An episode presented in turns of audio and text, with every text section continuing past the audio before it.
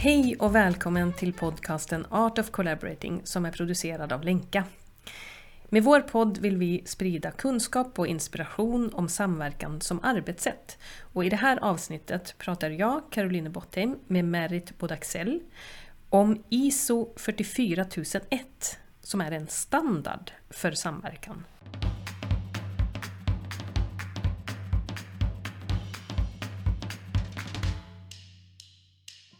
Varmt välkommen Merit Bodaxell.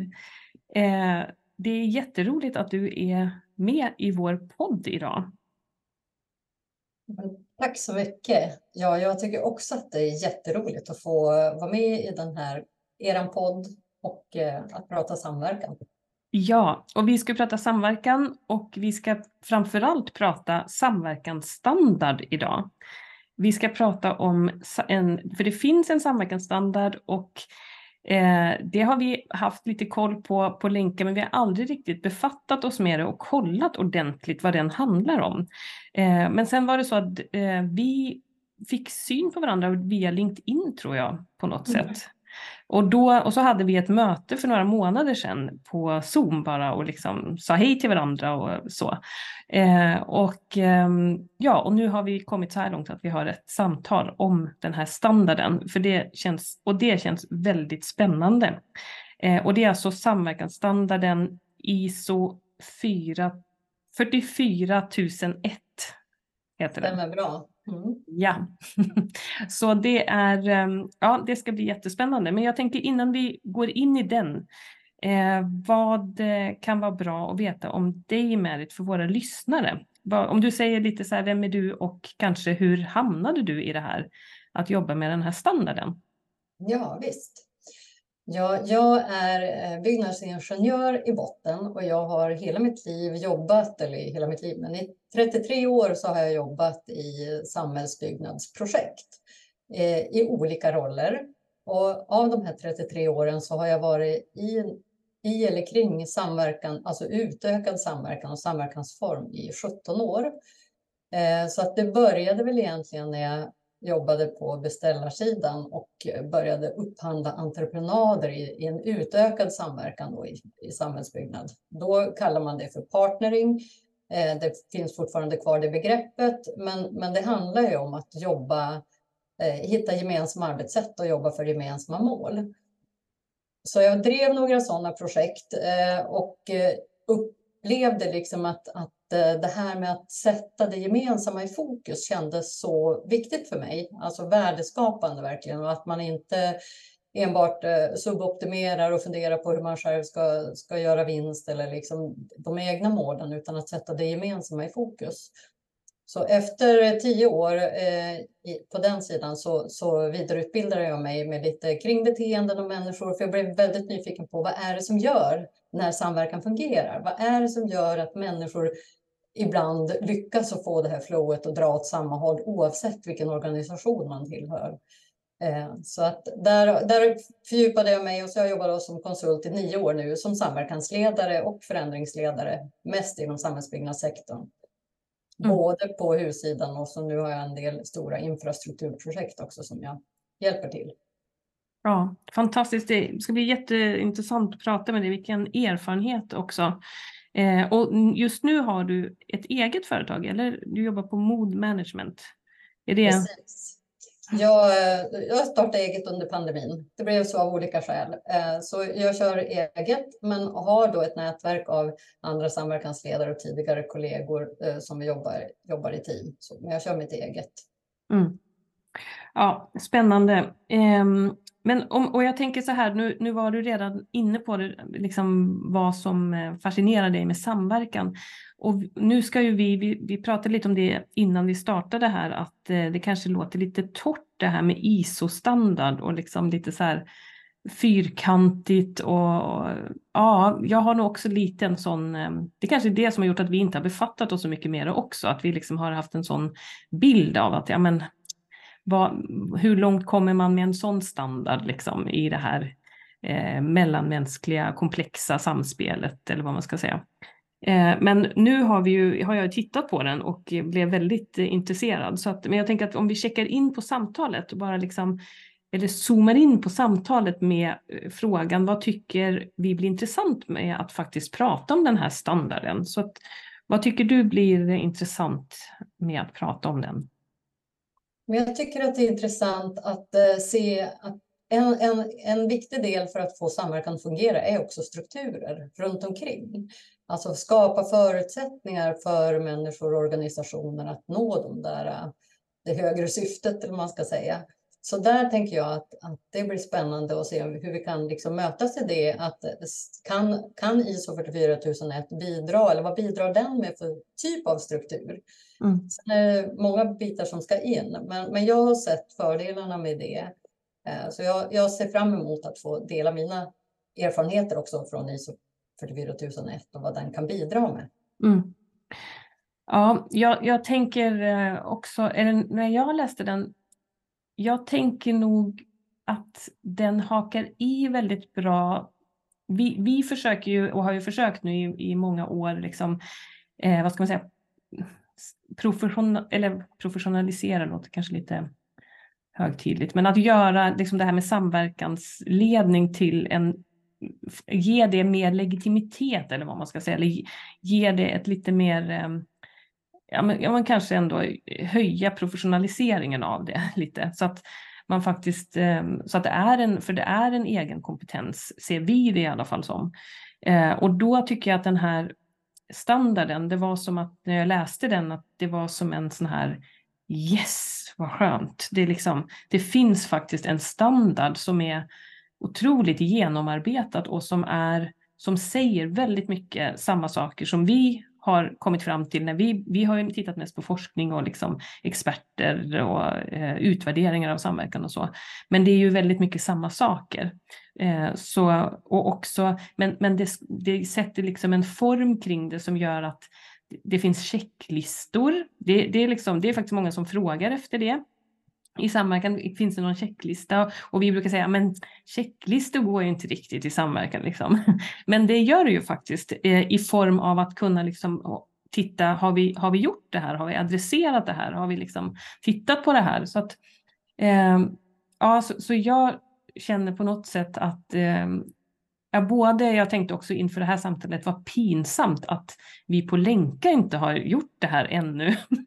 och inte har lärt oss det här än. Eh, men så tänkte jag så här, ja men det kanske är, eh, det är precis rätt timing kanske, för vi liksom, nu är vi tillräckligt grundade i det där andra så att det här får en lagom, eh, vad ska man säga, man kan ta till sig det på ett annat sätt kanske. Så jag tycker det ska bli väldigt spännande att eh, se också vilka dina erfarenheter är och hur det, ja men hur vi kan eh, del, dela våra erfarenheter kring de här olika Eh, punkterna eller aspekterna som, som adresseras i den här standarden.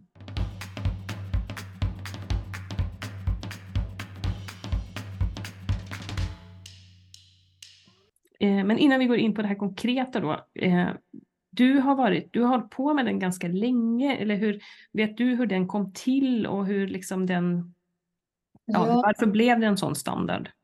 Precis, alltså jag, eh, den kom ju till som ett initiativ ur samhällsbyggnadssektorn stod ganska starkt i översättningen av det här ISO-ledningssystemet. Det är ju ett ledningssystem, precis som kvalitetsledningssystem eller miljöledning eller andra ledningssystem. Så att den riktar sig liksom till en verksamhet eller en organisations högsta ledning. Det är den nivån som den här standarden har byggts upp.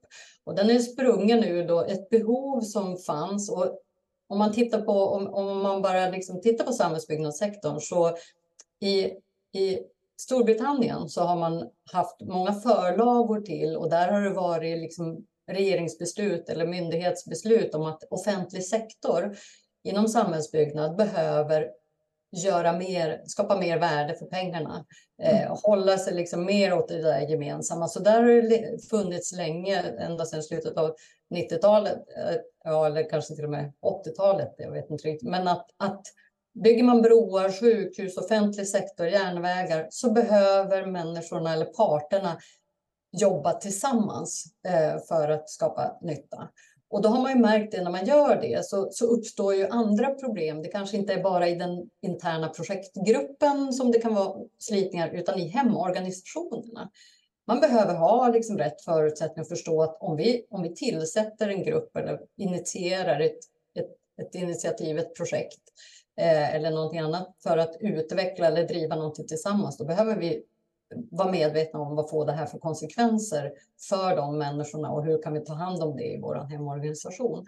Så det har funnits ett, ett behov av att hitta strukturer som kan hjälpa, alltså skapa förutsättningar för att de här initiativen ska bli riktigt slagkraftiga och genomförbara.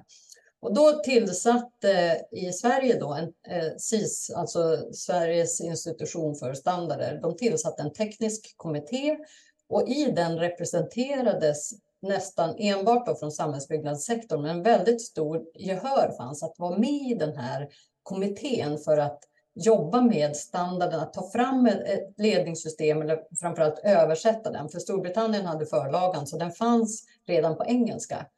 Eh, så då tillsattes en teknisk kommitté och där var, var vi med, jag och min kollega Malin Österberg, i det där översättningsarbetet. Och den svenska utgåvan kom eh, 2017 så å ena sidan så har det gått några år. Jag tänker när du säger att det är pinsamt att man inte känner till. Men det jag tänker också det är att marknadsföring, det har varit en pandemi och det har varit andra saker och det är kanske inte det här som har proklamerats ut om att den finns. Så det är, eh, du sitter i, i en stor båt med många andra som inte liksom ens känner till den. Men vi var med och, och, jag fasade in i slutet av översättningen, eller egentligen var den översatt. Så under 2018 så gick jag in i den tekniska kommittén och började jobba då eh, för att ta fram en introduktionsutbildning.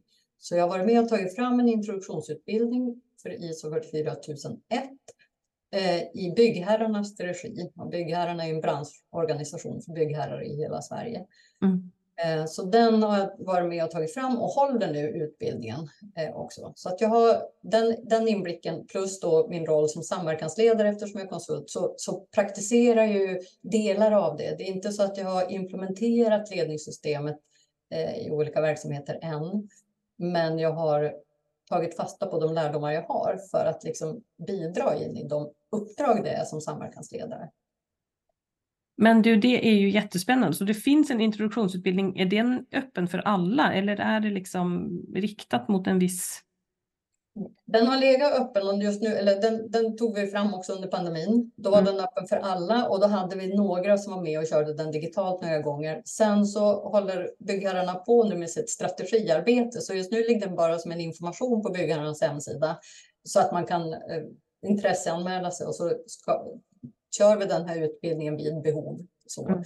så i förra veckan var jag och gjorde en företagsanpassad variant åt en kund som ville ha det internt i sitt företag. Mm. Så den finns där men ligger liksom lite, lite latent. Den är inte mm. så super ut.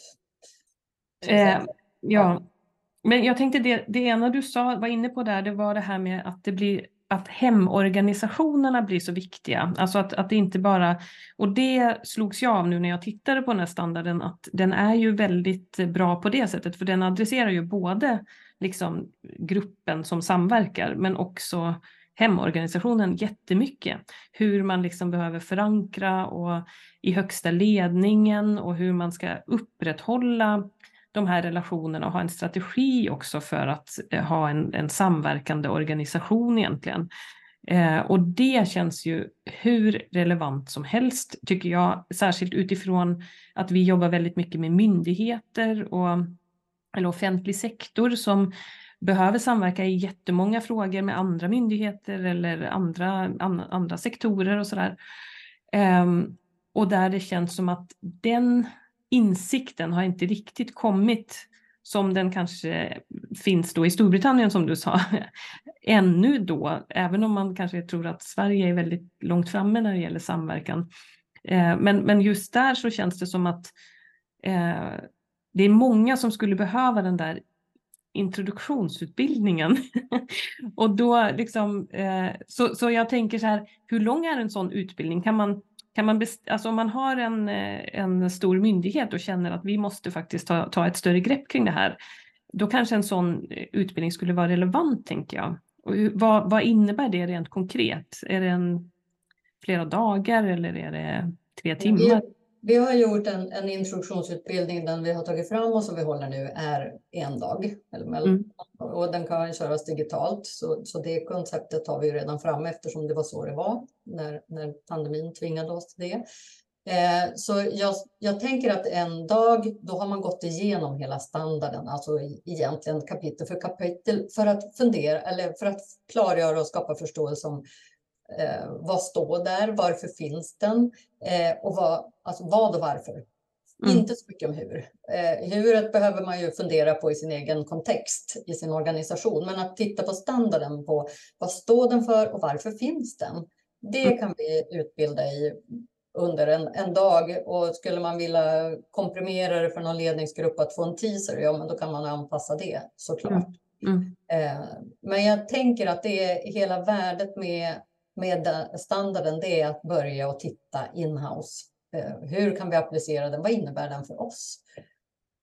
Mm. Och det är så, så, så, fint med den, tänker jag, att den tittar ju på samverkan ur flera perspektiv. Man tittar på den interna samverkan. Eh, hur kan vi som organisation eh, nyttja våra resurser, se att vi liksom har ett gemensamt fokus och i vilka relationer med andra parter behöver vi samverka för att vi ska nå våra affärsmål eller det som är kritiskt för oss? Det kanske inte är affärsmål, är man myndighet så är det ju samhällsnyttan och liksom att bidra till i de här komplexa frågorna. Eh, vilka parter har vi beroenden av som vi behöver liksom vara innovativa eller skapa, skapa mervärden tillsammans med? Eh, och, och titta, alltså standarden har liksom en systematik för att börja med oss själva titta på oss som organisation och hur fungerar det här? Och så steg för steg genom de här kapitlen som den är upplagd och eh, titta på vad innebär det för oss i olika delar. Och så sen har ju då ett kapitel är riktigt utvecklat. Det är som att klicka på en sån här rullgardinsmeny. Då kommer det ner alla steg när vi ska in och samverka med andra parter. Hur gör man den relationen? Mm. Och så, så den har både den ledningsstrukturen eh, på ledningsnivå som alla organisationer som samverkar mer eller mindre har nytta av internt. Och det handlar också om att skapa en, ett, ett, en förståelse och bli bättre på att bemanna med rätt eh, personer och skapa rätt stöd och, och ha de här strukturerna som behövs. Mm. Och så sen också hur vi ska tänka och, och, väva in då andra parter när vi ska samverka. Så har den eh, också ett utvecklat ramverk för det som man kan plocka ur. Mm. Ja, eh, har, du, har du någon erfarenhet av att då eh, organisationer har använt sig av den och har liksom verkligen kommit längre? Alltså finns det vilken, alltså vilken, det, har du exempel på att någon kan säga att det har verkligen skapat den här nyttan för oss eller liksom att det har blivit bättre på något sätt i, i samverkan? Både ja och nej. Eh, för jag har några, två, det är entreprenadföretag faktiskt som har gått för en certifiering mot ISO 44001. Och eh, då tänker jag, ja, de har ju sett värdet av att aha, alltså lite grann ögonöppnare att ska vi bli en god samverkande part då behöver vi faktiskt rensa liksom lite grann inhouse först och se hur, hur, hur fungerar våra system? Hur lirar våra processer med att vi ska liksom öppna upp för andra parter? Och hur kan vi vara liksom lyhörda att, att bemöta dem i, i deras behov? Så det är ju, och det, det är mer på en en känslomässig och en organisatorisk mognad, alltså en känslomässig effekt av att nu har vi förstått. Mm. Så, det har båda de här eh, företagen liksom vittnat om. Sen har jag inte några mätetal som kan peka på, det kanske de har själva, men jag har inte fått det till del eh, att vi har blivit liksom på något sätt effektivare eller att vi når längre i våra relationer. Men jag tänker att man blir liksom ofta bättre på det man tränar på eh, mm. i alla avseenden. Så om vi har tränat på det här, börjat förstå vissa bitar att mm, det ligger mycket hos oss och standarden pekar ju på flera superviktiga komponenter, både strukturer men också vilka beteenden som krävs, alltså vilka samverkande kompetenser. Äntligen får vi ett språk, ett gemensamt språk som alla branscher kan liksom relatera till. Så mm. att man behöver ha olika förmågor och ska vi samverka, då finns det speciella förmågor där som den också lyfter fram. Och när man börjar förstå det själv, och där tänker jag då att i, i den bästa av världar om några år till, när, när parterna på marknaden börjar ha den här hem, hem, gjort hemläxan, mm. eh, då kommer man att nå längre tillsammans. Mm.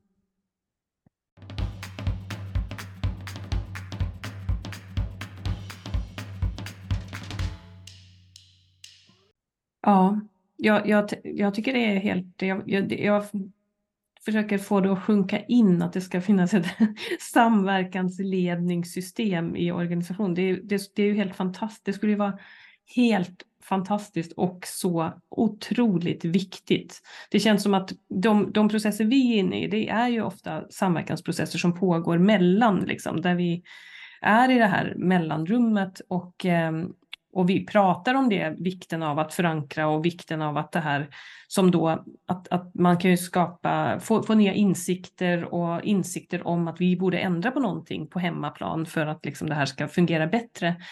Eh, för att vi liksom ska verka tillsammans på ett bättre sätt med, med de andra. Men det finns ju inga strukturer för det. Som du, alltså, det är liksom jättesvårt alltså, att få gehör för det på hemmaplan eller Eh, och då kan man liksom prata, ja vilka, vi brukar prata om vilka, vilka behöver du involvera från din organisation för att liksom, som behöver vara med egentligen från början och förstå vad ni håller på med och liksom sånt där.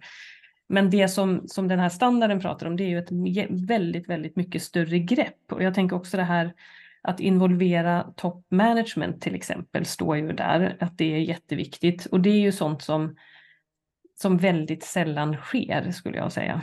Alltså av sig självt. Så det är ju också en... Ehm, ja, det, det är ju nästan så, för nu tänker jag så här, hur ska man få de här, alla de här organisationerna då att eh, börja använda det här och ha ett samverkansledningssystem. Och då tänker jag så här, hur fick man igenom kvalitetsledningssystem och miljöledningssystem och sånt där? För det har ju ändå fått ganska stor genomslagskraft känns det som. Ja men absolut, och jag tänker också att de, de, organisationer som har gjort en sån förändringsresa, oavsett när den skedde, idag kanske det går på automatik tror man för att det bara finns där. Eh, men när, när man liksom satte in att vi ska jobba systematiskt med våra, hur, våra processer och sätta processer för allting med kvalitetsledning eller miljö eller något annat, mm. då vet man att det är ett gediget arbete. Och då vill jag också då ta ner, sänka axlarna lite grann att det här ledningssystemet för samverkan innebär inte att de ska göra samma resa igen, utan det innebär att har vi ett ISO-ledningssystem, fantastiskt, då kliver vi in i det och så tittar vi utifrån samverkansstandarden i ISO 44001. Vad säger de om just den här processen? Behöver mm. vi tänka på någonting här? Behöver vi skruva på någonting? Behöver vi vara medvetna om att det kanske kräver att vi gör avsteg från våran liksom, styrning? Mm. Eh, för att ska vi samverka, då kan vi inte liksom vara fyrkantiga och säga kom och samverka med oss, men ni måste göra precis så här. Mm. Och för att det blir, det blir det som blir en krock, tänker jag, när man kommer där ut, att, att människor kanske ser behovet och, och viljan har och kompetensen finns. Men det jackar inte i med den här organisationen. Alltså så här jobbar vi på våran, i vår organisation. Mm. Och då skapar det friktion och konflikt och kanske då, och så finns inte förståelsen på högsta ledningen. Mm. Eh, så, och då blir det liksom det, det, som blir energidränaget för människorna att komma framåt i, i samverkan, det är att det blir jobbigt hemma mm. i hemorganisationen. Och där tänker jag att har man ett ledningssystem då tittar man på samverkansstandarden och så går man igenom det steg för steg. Och alltså man behöver inte upprätta ett helt nytt ledningssystem, utan det är att plocka in bitarna. Och då tänker jag också, den, den är så informativ den här standarden. Den har ju, jag tror att det är nio bilagor som är väldigt informativa. Där pratar man också om samverkansmognad. kan man titta lite grann i en ledningsgrupp. Vilka processer har vi? Vilka processer påverkas av samverkan? Var behöver vi lägga in eh, liksom lite kraft och resurser. Mm. Och så kan man liksom ta sig an den här lite pö om pö. Mm. Det är inte så att det ska vara ett stort koncernbeslut och så sen ska vi implementera en ny standard och så blir det liksom ogenomträngbart. Man orkar inte med. Mm. Sen plocka den som en guideline och titta på har vi många relationer som kräver att vi samverkar med andra parter eller återigen börja, är det stora organisationer eller inhouse-organisationer tycker jag att man skulle kunna applicera den ganska väl. Hur jobbar vi internt? Mm. För någon, någon, gång i min tidiga eh, samverkansera, när jag började med det här, då funderade jag mycket vad skillnaden mellan samarbete och samverkan var, för jag tyckte att det är typ samma. Man ska jobba tillsammans, då är det, liksom, det är inte så svårt. Men då hittade jag någon, någon beskrivning som jag tror var från Socialstyrelsen, där de pratar om att, att samverkan är både struktur och relation och samarbetet. Det här mm. mellanmänskliga relationen och men även strukturen. Mm. Och när man då tittar på utifrån det, då, då, då tycker jag att det känns ännu bättre med ett ledningssystem som hjälper organisationen med det gemensamma språket, med gemensam förståelse. Mm.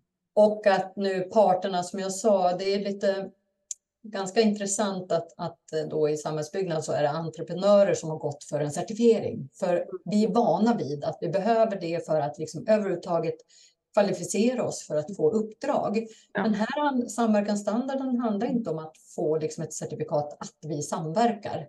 Mm. Utan samverkansstandarden skapar en medvetenhet hos en organisation. Vad gör vi om vi ska samverka och varför ska vi samverka? I vilka, vilka liksom, områden eller projekt är kritiskt med att vi ska samverka. Och det blir också en, en kvalitetssäkring på ledningssystem, tänker jag. Att man funderar, när är det affärskritiskt för oss? När behöver vi kliva in och samverka med andra parter och vad krävs av oss? Eh, så, så, när vi får den här liksom mognaden och medvetenheten, då tror jag att de samverkansinitiativ med pengar och resurser som avsätts, det kommer att skapa ännu mera värde. Mm. För då är man liksom beredd på att just det kanske blir lite skav någonstans, men då finns en förståelse hemma. Då behöver jag gå tillbaka och säga vi behöver fundera på vad kan vi skruva på här? Mm.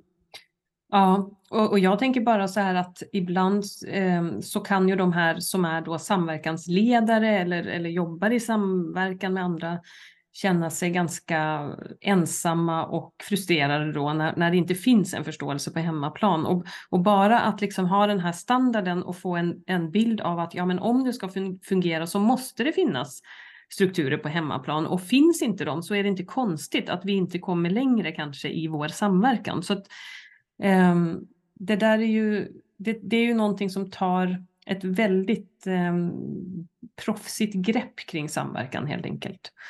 Ehm, men jag, jag, tänker också, vi, vi kan ju den, är ju, den är ju gedigen och har massa, som du sa, den har ju massa eh, listor på slutet som är väldigt sådär informativa och, och liksom en checklista eller jag tror att den har en, jag skrev upp det här, ja men också vilka, vilka förmågor eller kompetenser är det som krävs?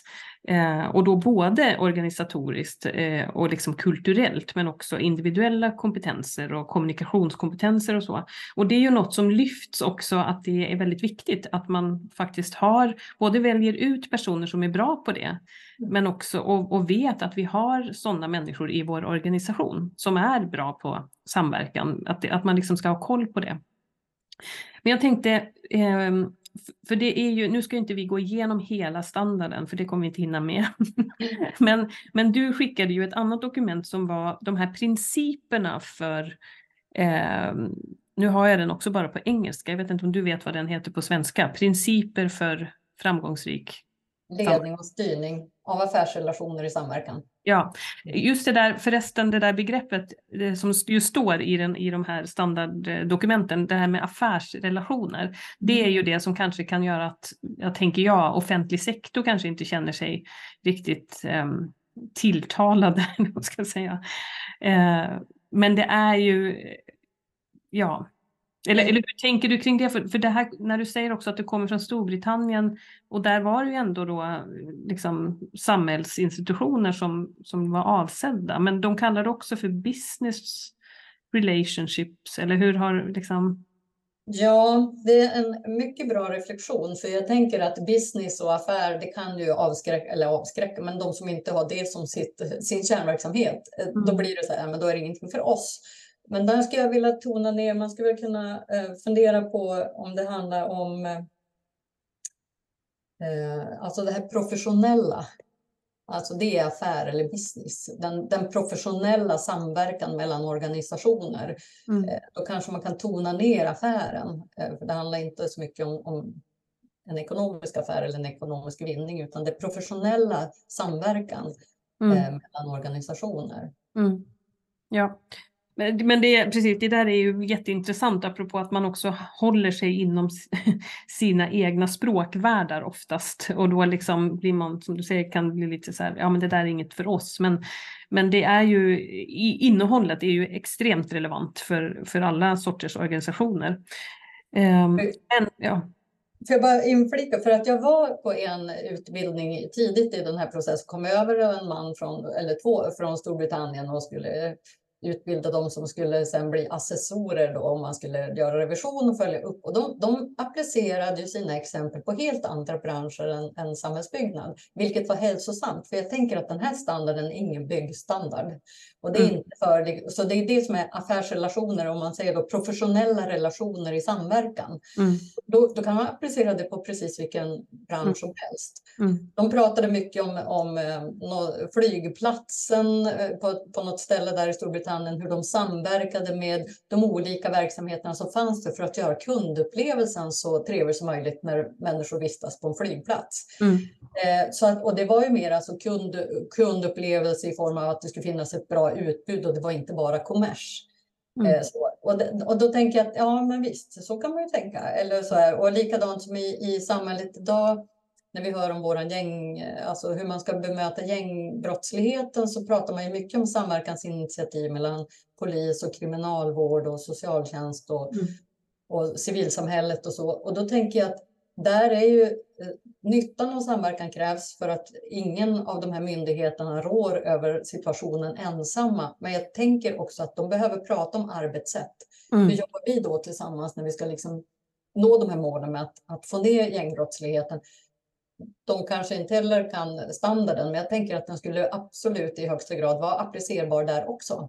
Mm. Hur, hur arbetar vi idag i våra respektive myndighet? Vilka gemensamma arbetssätt behöver vi sätta för att liksom göra det här tillsammans? Att, och det, då blir det ju inte liksom fyrkantigt och fult eller struktur som kväver, utan struktur som är nödvändig för att vi ska kunna jobba ihop eh, mm. effektivt och, och nå de, de gemensamma målen. Ja,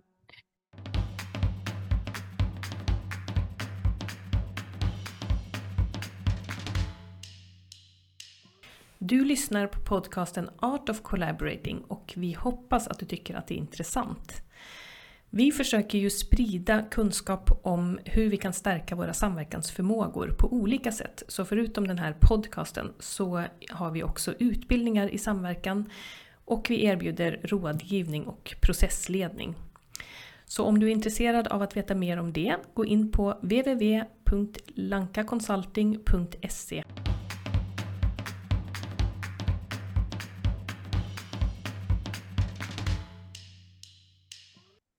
Ja, verkligen. Och jag, jag tänker att det, det, säkert finns i vissas, eh, om, inom vissa områden att man har utarbetat det utan en, en standard eller liksom att man har på något sätt skapat en sån eh, vad ska man säga, sådana arbetssätt helt enkelt för att man förstår att vi måste göra det annars går det inte. Men, men eh, jag tänker också på att vi, vi, jobbar, vi har jobbat en del nu de senaste åren med sam, samordningsförbund och det är ju eh, vad ska man säga, det är en samverkan mellan arbetsförmedling, försäkringskassa, eh, region och kommun och handlar om en, en viss liksom, målgrupp som står långt ifrån arbetsmarknaden, tror jag. Nu kanske jag säger något fel, men i alla fall.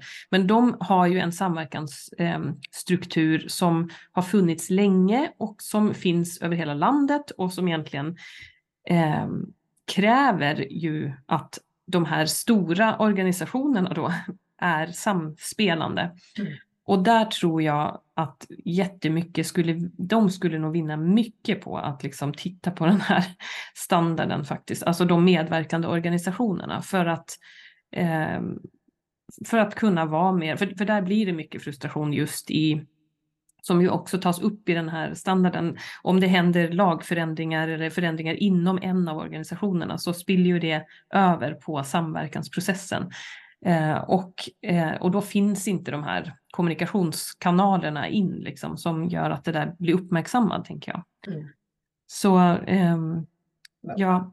Och såklart så tänker jag också det att alla som samverkar där ute och som lyssnar på kanske på det här samtalet eh, kan ju, har, ju, har ju system idag. Vi har mm. ju liksom upprättat liksom kanaler, men jag tänker att det skulle kunna utvecklas Mm. Om man hittade, eller ett ledningssystem, då behöver man ju inte känna att det blir eh, kontraproduktivt och att man börjar liksom jämföra sina system och vems, vems mm. bäst eller vem ska mm. vi gå på, utan vi, vi mm. liksom försöker att, att förhålla oss ganska neutralt, men att organisationen har gjort det och då, då kommer den där kanalisationen av information och struktur att tillgodose de människorna som blir berörda av det. Ja. Ja, verkligen. Ja, och tillbaka till de här principerna då. Eh, de här tolv principerna. Det finns ett eget dokument som heter då, eh, på engelska heter den Principles for Successful Collaborative Business Relationship Management. Om vi nu ska tänka att vi, vi översätter business som professionell, ja. så är det professionellt eh, relationsmanagement. Ja. Typ. Då, den, det dokumentet tyckte jag, det var ju väldigt, det är ganska lättläst och väldigt eh, informativt. Och jag tror att det, jag förstod det som att det är liksom, man kan använda det lite som en, eh, vad ska man säga, som en lins och titta på den här standarden, för den är också genomsyrad av de här principerna. Eh, men de, de är liksom, eh, spännande och jag, jag tänkte vi kan gå in på några av dem. Jag läser inte upp dem för jag tror att det blir lite tråkigt att bara höra mm. massa listor här. Men om man till exempel eh, tar det här med, eh, ja det finns, apropå det du sa inledningsvis också med det här värdet vi kan skapa i samverkan, så finns det någonting som heter värdeskapande som är en princip. Mm. Eh, och det tyckte jag var intressant, för jag tror att det var där det stod att, man, att det är viktigt att man också ser värdet bortom syftet med samverkan. Vill du, eh, vad tänker du kring det? Jag, jag gick igång på det för jag tänkte att, för det står så här, värdeskapande ligger i centrum för all samverkan och att söka ytterligare värde bortom det ursprungliga syftet möjliggör en mer hållbar samverkansrelation. Vad, vad, hur kan du eh, säga något om det? Ja, men alltså jag tänker att det här principdokumentet då med sina tolv principer, de är ju precis som du sa en lins eh, som man kan titta på och sen då själva krav, ramverket för kraven som är 44 001. Så den här publikationen heter 44 000, slutar på en nolla. Och den är, är nog så bra att börja med. Och bara fyra sidor, eh, både på engelska och svenska finns den och väldigt informativ. Och just det här med värdeskapande. Det handlar om att ska vi... De lyfter fram att för att samverkan ska bli liksom framgångsrik eller skapa liksom en succé så, så är det viktigt att det ger någonting mer än om vi jobbar som vi alltid har gjort. Alltså man kan ha ett syfte och ett mål med det vi ska göra, men att, att verkligen få ut den här eh, innovationskraften som man ändå vill komma åt. Alltså att få de här olika perspektiven i en samverkansrelation. Att bidra till, ah men just det, ett plus ett blir tre. När ni, ni kommer med ert perspektiv, vi har det här. Och så kan vi dessutom skapa ett värde utöver den här leveransen som vi kanske har som ett projektmål eller vi ska leverera någonting i samverkan. Då ska vi, då, då, själva hävstången med, med samverkan är också att man ska sträva efter att få ut någonting utöver det, alltså något värdeskapande bortom syftet. Mm. Det, det, det, är ju unikt med den här standarden, för den pratar också då om på den organisatoriska nivån att man behöver ha en process för att hantera värdeskapande. Vad är det då vi ska mäta? Vad är, vad är mm. det värdet? Mm. Så.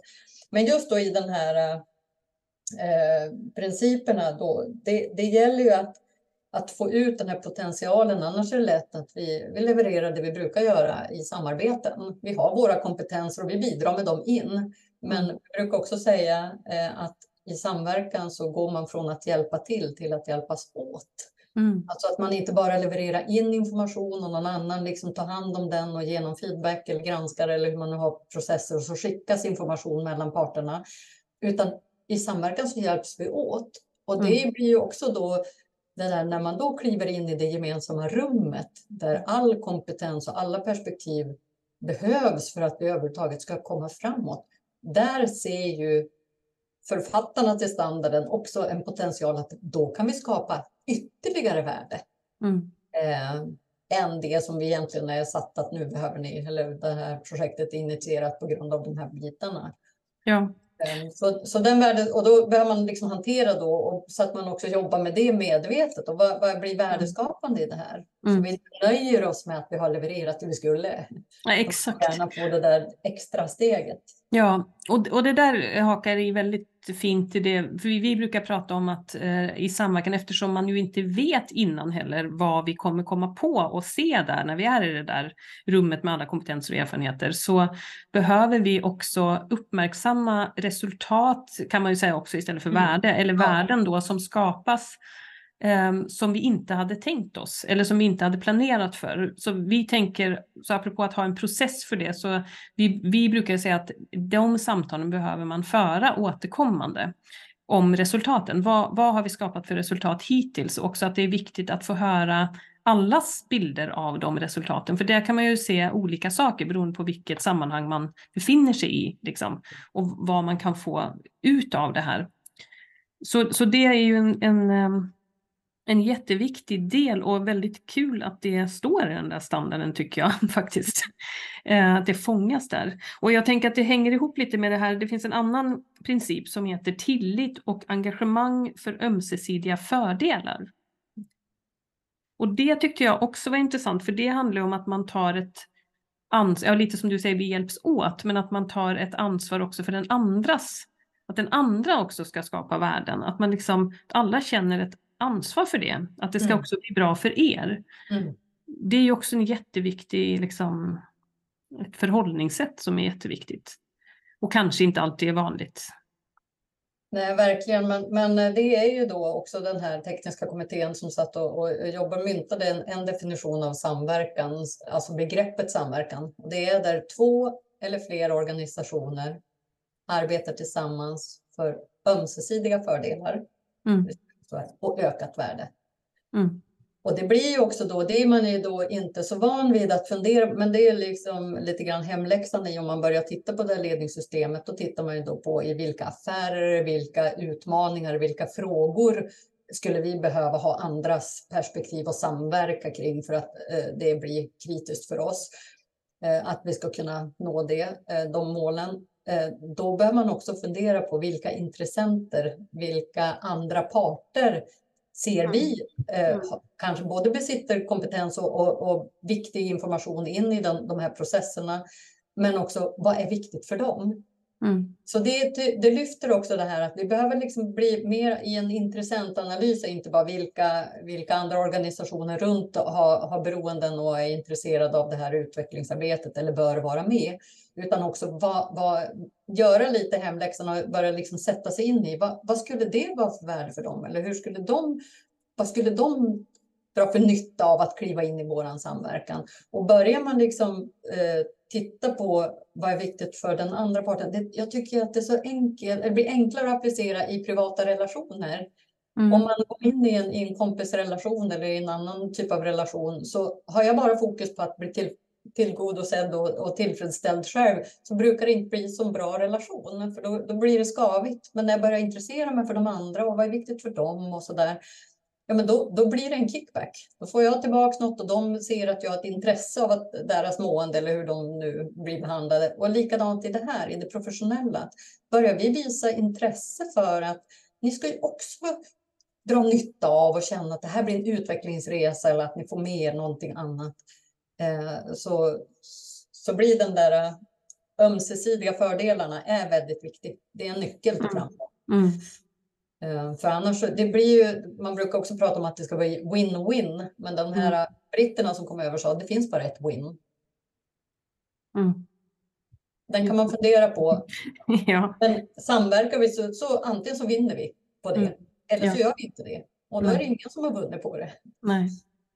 Men det där är verkligen intressant. Jag tänker att det, det kopplar an till tillitsforskning det där också, som du säger med att, att se den andras, vad är det den andra vill eller behöver eller vad är det? För, för det vet jag att det finns en um, forskare, jag tror att hon heter Michelle Williams, som, som, som har skrivit om det med att vi behöver vara bra på att uh, förstå uh, att, uh, på perspektivtagande, men också, hon kallar det för perspektivagerande, det vill säga att jag visar i mitt agerande att jag tar ditt perspektiv. Att, så att jag liksom, och det är precis det du pratar om där, att det är, och det är väldigt tillitsskapande. Mm. Ehm, och ehm, bra på alla möjliga sätt. Och, men inte jättelätt. Men jag tänker också i den här, jag tror att det var i den här eh, checklist, en av de här checklistorna att man liksom ska också checka av, ja men har vi en förståelse för de andras vad de vill få ut av det här eller vad som är viktigt för dem. Liksom. Så att det, just den här att förstå varandras kontexter också blir ju en jätteviktig del som man behöver ägna tid åt också. Ja, men visst. Och jag tänker att eh, även då att eh, om, man nu, om, jag, om jag går tillbaka till det här mer affärsmässiga upplägget, det kan ju vara saker som är affärskritiska för oss som vi inte kan dela. Då mm. behöver man ju vara tydlig med ramarna. Vad samverkar vi om och vad samverkar vi inte om? Och det skapar också tillit. Mm. Eh, att vi kan liksom avgränsa, eller om det nu är så att man, man måste det, eh, beroende på sammanhanget, då, då behöver det vara tydligt också. Det är mm. de här bitarna vi kan samverka om. Sen behöver vi hålla de andra. För om, om den spelplanen är tydlig, då blir det inte heller friktion eller skapar liksom lite misstänksamhet om att det finns någonting annat eller någonting är dolt för oss eller vad det nu kan vara.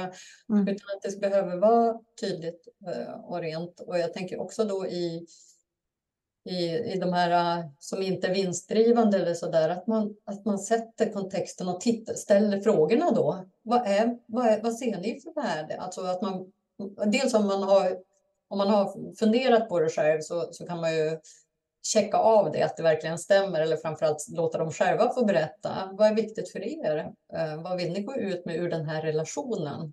Mm. För då pratar om att det här är en relation och vi behöver hålla på en tid. Vad vill ni ta med er hem? När vi är mm. klara. Eh. Mm. Hur är det med, för jag tänkte på det här med, det är en annan princip som heter relationsmätning och optimering. Har du någon erfarenhet, för jag tänker det där är ju inte helt lätt. Hur, hur mäter man relationer eller finns det liksom någon sån, eh, vad ska man säga, eh, metod som du har jobbat med eller som du känner till? Eller? Alltså den, den typ av, eh, det finns ingen, jag känner ingen till, eh, inte till någon eh, mätmetod för hela relationen mm. på organisatorisk nivå. Men när vi mm. sätter projektteam som ska samverka, då brukar man ju jobba med en ganska lång eller i alla fall um, intensiv inledningsfas. Den kanske inte är så lång i kalendern, men den är intensiv för att sätta liksom förutsättningar för dem att lära känna och det här och att skapa ett, ett tillitsfullt arbetssätt mm. eh, där man lyfter varandras styrkor och liksom får, får in den biten. Det kan man ju mäta, alltså att följa mm. upp det vi har kommit överens om eller på, på måendet mer mm. liksom, göra mätningar på, på på projektorganisationen kring att vi, vi lever som vi lär. Vi, följer, vi, vi jobbar med den här kulturen som vi satte eller vi jobbar efter det här. Och mm. gör vi inte det, eh, vad behöver vi förändra? Så det gör vi ju i projektteam en gång i kvartalet eller i halvåret beroende på hur långa de är. Men att man, man mäter med enkla tempmätningar, alltså enkät kring trivsel. Mm kanske, eller kring kulturen. Alltså jobbar vi som vi har sagt, ser vi varandra som tillgångar, bidrar vi in med all, all kunskap vi har eller ja, beroende på vad man har satt för någonting i början så följer mm. man upp det. Det är ja. en sorts relationsmätning. Mm. Men, men, på den aggregerade nivån har jag inte sett något mätverktyg än. Men, det kanske... men då kan jag tipsa faktiskt om ett ja. vi har eh, fått syn på och har liksom använt oss av ganska mycket eller försöker föra in på olika sätt och det är någonting som heter Relational Coordination Index som mm. en forskare som heter Jody Hoffe-Gittell har utvecklat och forskat väldigt mycket på eh, i USA och, och det finns liksom en hel eh, forskningscommunity kring det där. Eh, och även de har så här runda bordsamtal två gånger per år och så där. Väldigt mycket, där finns jättemycket kunskap och inspiration kring just att mäta relationer. Och då har hon liksom bara ett antal frågor som hon alltid ställer då, alltså där hon eh, mäter hur, hur man upplever eh, ja men typ att har vi samma mål? Eh, har vi, eh, delar vi kunskap och erfarenheter? Eh, har, vi samma, har vi respekt för varandras och insyn i varandras verksamheter? Alltså lite sådana frågor. Jag tror att det är bara typ sju frågor eller något. Eh, så, så hela hennes forskning baseras också på de här frågorna och så gör hon då, då kan hon liksom göra olika eh, stora mätningar liksom på det. Och apropå flygplatser så har hon eh, tittat väldigt mycket på flygplatser just med den metoden, men också sådana här eh, stadsbyggnadsprojekt och så. Så det är väldigt, eh, det är en ganska intressant eh, metod som är praktisk och eh, möjlig. Just det, och nu när du säger det, då trillar det ner i mitt huvud att det finns ju någonting också då inom samhällsbyggnad nu som heter eh, PQI, alltså Project Quality Index. Det är också ett index. Mm. När du sa den här Relational Coordination Index. Mm. Mm. Att det finns ett verktyg som, som är framtaget också för att mäta eh, projektkvalitet. Egentligen. Mm. Det är ett projektkvalitetsindex, men i det finns det ett, ett, eh, ett frågebatteri kring samverkan. Så det är möjligt att de har hämtat, för de har också jobbat tillsammans med forskning i och för sig via Luleå tekniska högskola. Mm. Men att de har, det är möjligt att där finns de här att de har tagit eh, influenser från hennes mm. relationsindex. Men vad bra, tack! Mm. Ja, men det, det, det var bra. Kunde vi göra en liten koppling där? Ja, precis.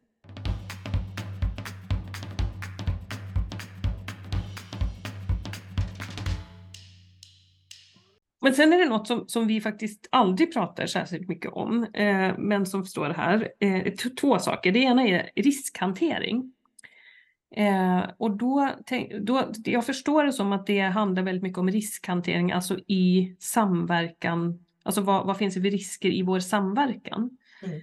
Eh, men är det också, eh, för, för, är det också liksom, vad finns det med risker om vi inte lyckas med vår samverkan? Alltså om, om vi inte lyckas Uh, nu tänker jag på de här myndigheterna som vi jobbar mycket med och sådär att om vi inte liksom lyckas med samverkan, vad blir risken för, för samhälle? Alltså på, på den nivån, om man tänker samhällsnyttanivån. Mm. Förstår du att, hur jag tänker? Ja, och jag tänker att det, har, det är väl...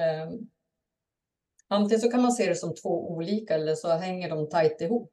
För att mm. man behöver ju också titta. Det finns ju såklart en hel del risker som följer med att vi ska öppna upp våran mm core business eller vad det nu är, vårt uppdrag och, mm. och, ta in information och in, influeras av, låta oss influeras och påverkas av andras mm. åsikter.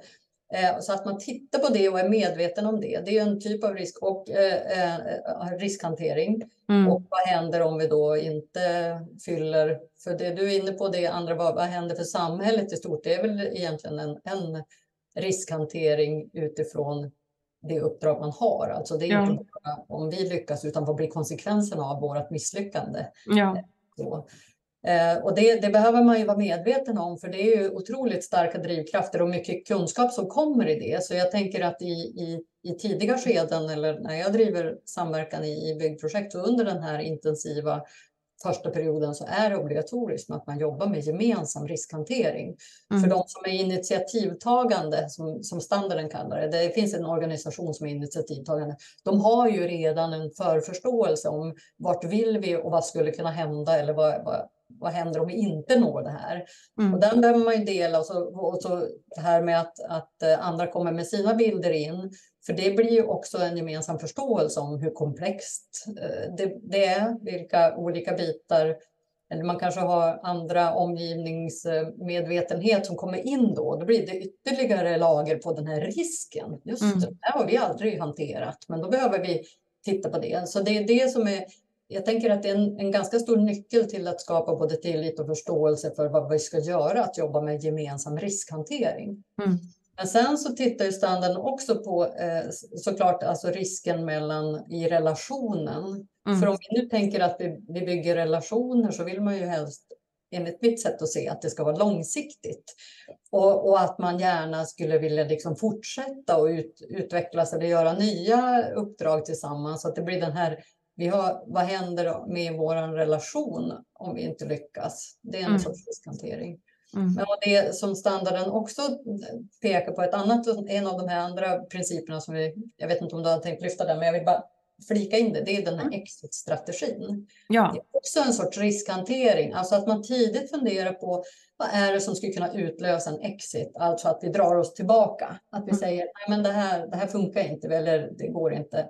Det kan ju vara affärsmässiga, eller som du var inne på, det kommer nya lagar och som bara krånglar till det, så vi behöver upphäva den här gruppen eller det här arbetet nu för att gå hem och backa hem och lära oss det nya innan mm. vi kan se så. Så det kan finnas liksom sådana här olika faktorer som jag tror också är hälsosamma att man tittar på och att man kommunicerar. Mm. För det blir viktigt för de andra också att det här är, det här är kritiskt för den initiativtagande organisationen. Om de här de här och de här faktorerna uppstår, då innebär det att vi löser upp den här samverkan. Mm. Eh, för många gånger när man, när man då tittar eller man kliver in i vanliga projekt så blir ju exit när projektet är klart. Mm. Och resan dit kan ju egentligen hade mått bra av att stoppa tidigare mm. för att mm. vi såg att det här blir, det här blir inte det vi vill. Men man, man liksom på något sätt dundrar på ändå. Eller man, man har inte ja, varken mod eller kapacitet att häva det tidigare och säga stopp. Mm. Så egentligen det är bara att, att hela tiden också ha det med i tanken? Är det, är det fortfarande värt att vi håller på med den här samverkan eller är det faktiskt inte, är det, inte det längre? Så att det, då är det lika bra att sluta.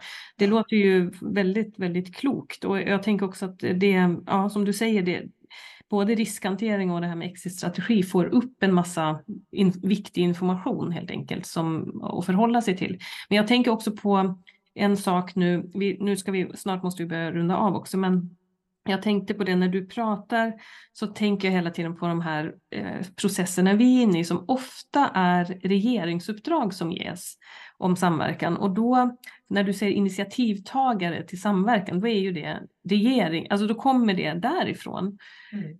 Eh, och då, eh, då tänker jag så här, ja men då kanske de borde, alltså enligt den här, det här tänket, vara mycket mer involverade på något sätt i den här samverkan som då initieras.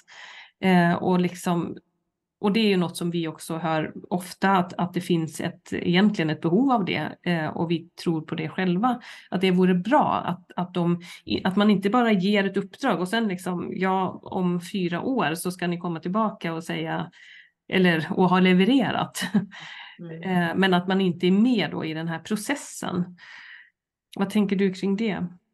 Men det tycker jag låter eh, spännande och eh, såklart komplext och funderar ju på hur praktiskt skulle det gå till. Det är ju liksom ena tanken som sticker iväg, men det andra är ju då tillbaka till standarden, det är att de, de pratar om den högsta ledningens ansvar och att det be behöver utses någon högsta ledningen. Och då tänker jag att det, det, går ju att delegera det ansvaret från regeringen, alltså mm. regering och riksdag, om de har viktigare saker på, än att liksom sitta med i den här samverkan mm. hela fyra år.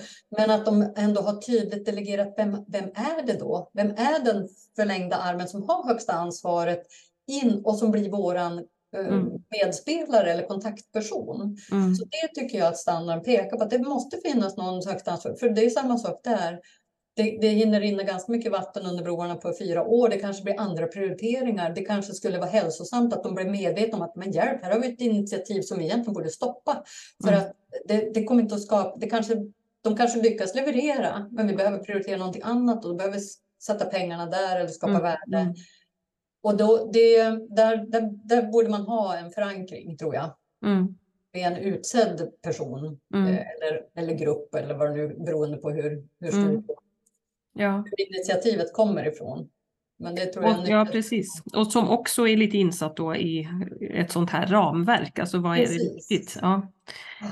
Men du, nu om vi snart ska runda av, är det något mer som du känner att du vill um, säga som vi inte har pratat om nu? Eller någon tanke du har fått eller? Ja, men jag hoppas ju att, eh, att det finns en, en nyfikenhet bara att, att gå in i den här och inte drunkna i att den känns mastig, eh, ISO 44001, utan att gärna ta till sig principerna först och så sen titta på välvalda delar. För jag tror att det finns nyttor eh, med att skapa rätt förutsättningar för de initiativ som vi ändå initierar, som vi, vi ser att samverkan är vägen att gå. Vi behöver komplettera oss med nya kompetenser. Och, men att, att det, det hänger ganska mycket på alla parter då, som kliver in i det där. Mm. Så Annars så, så, tänker jag att det har varit ett spännande samtal. Eh, jag har blivit medveten om, om olika bitar, bland annat det här med affärsrelationer. Den var ju jättebra att fundera på om det hämmar en del, att liksom, då är det ingenting för oss. Vi, vi har inte affärer i våran mm. Mm. Så ja, det där är verkligen intressant. Det är liksom något som händer i hjärnan som man inte ens kan kontrollera riktigt själv. För jag, jag kan själv känna så, jaha, men då är inte den relevant för de där, liksom. Mm.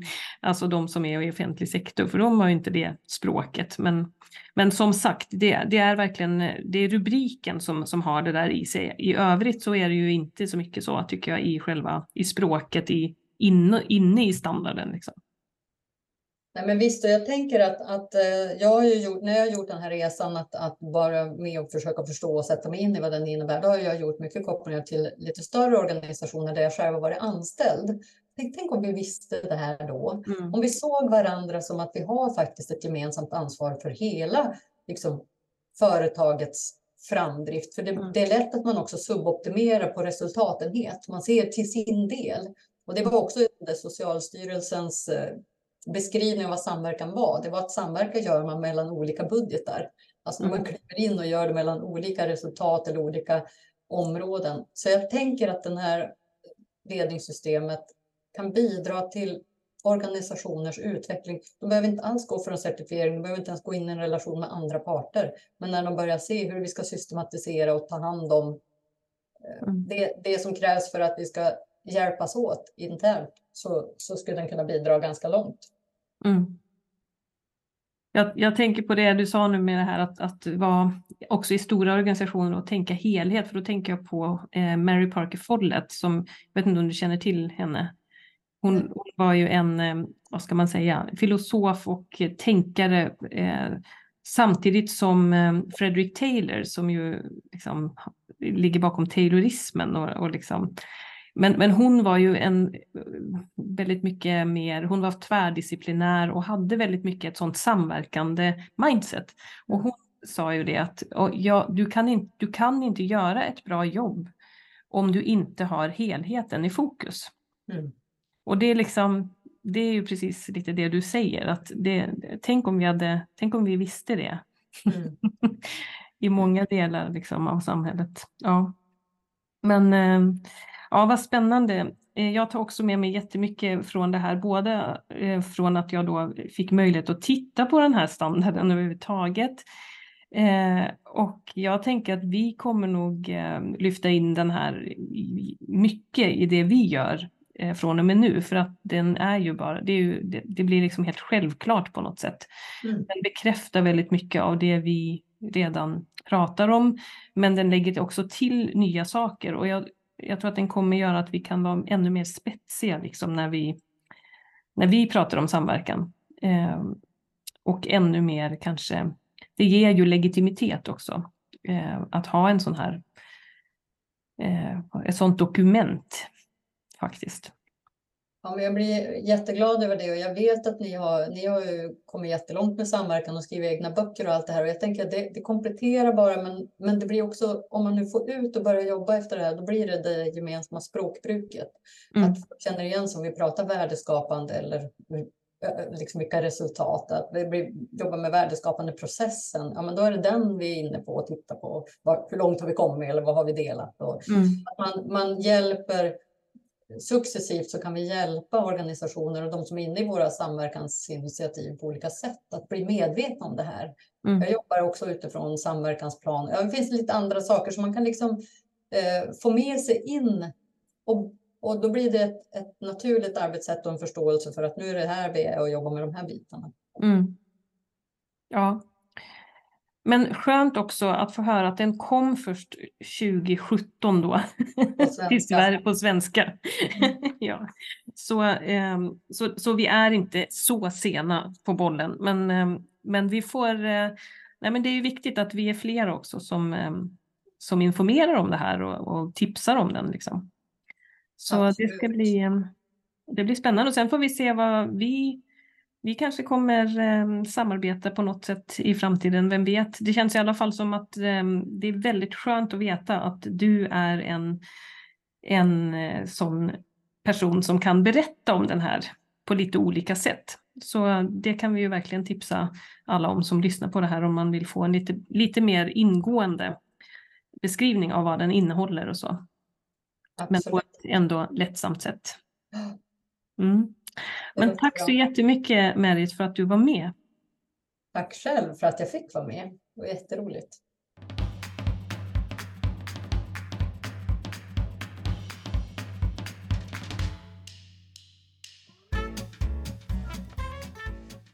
Tack för att du har lyssnat på vår podd. Vi hoppas att du tyckte det var intressant. Om du är nyfiken på att veta mer om vad vi gör på Länka så kan du gå in på www.lankaconsulting.se och läsa mer om våra utbildningar, tjänster och publikationer.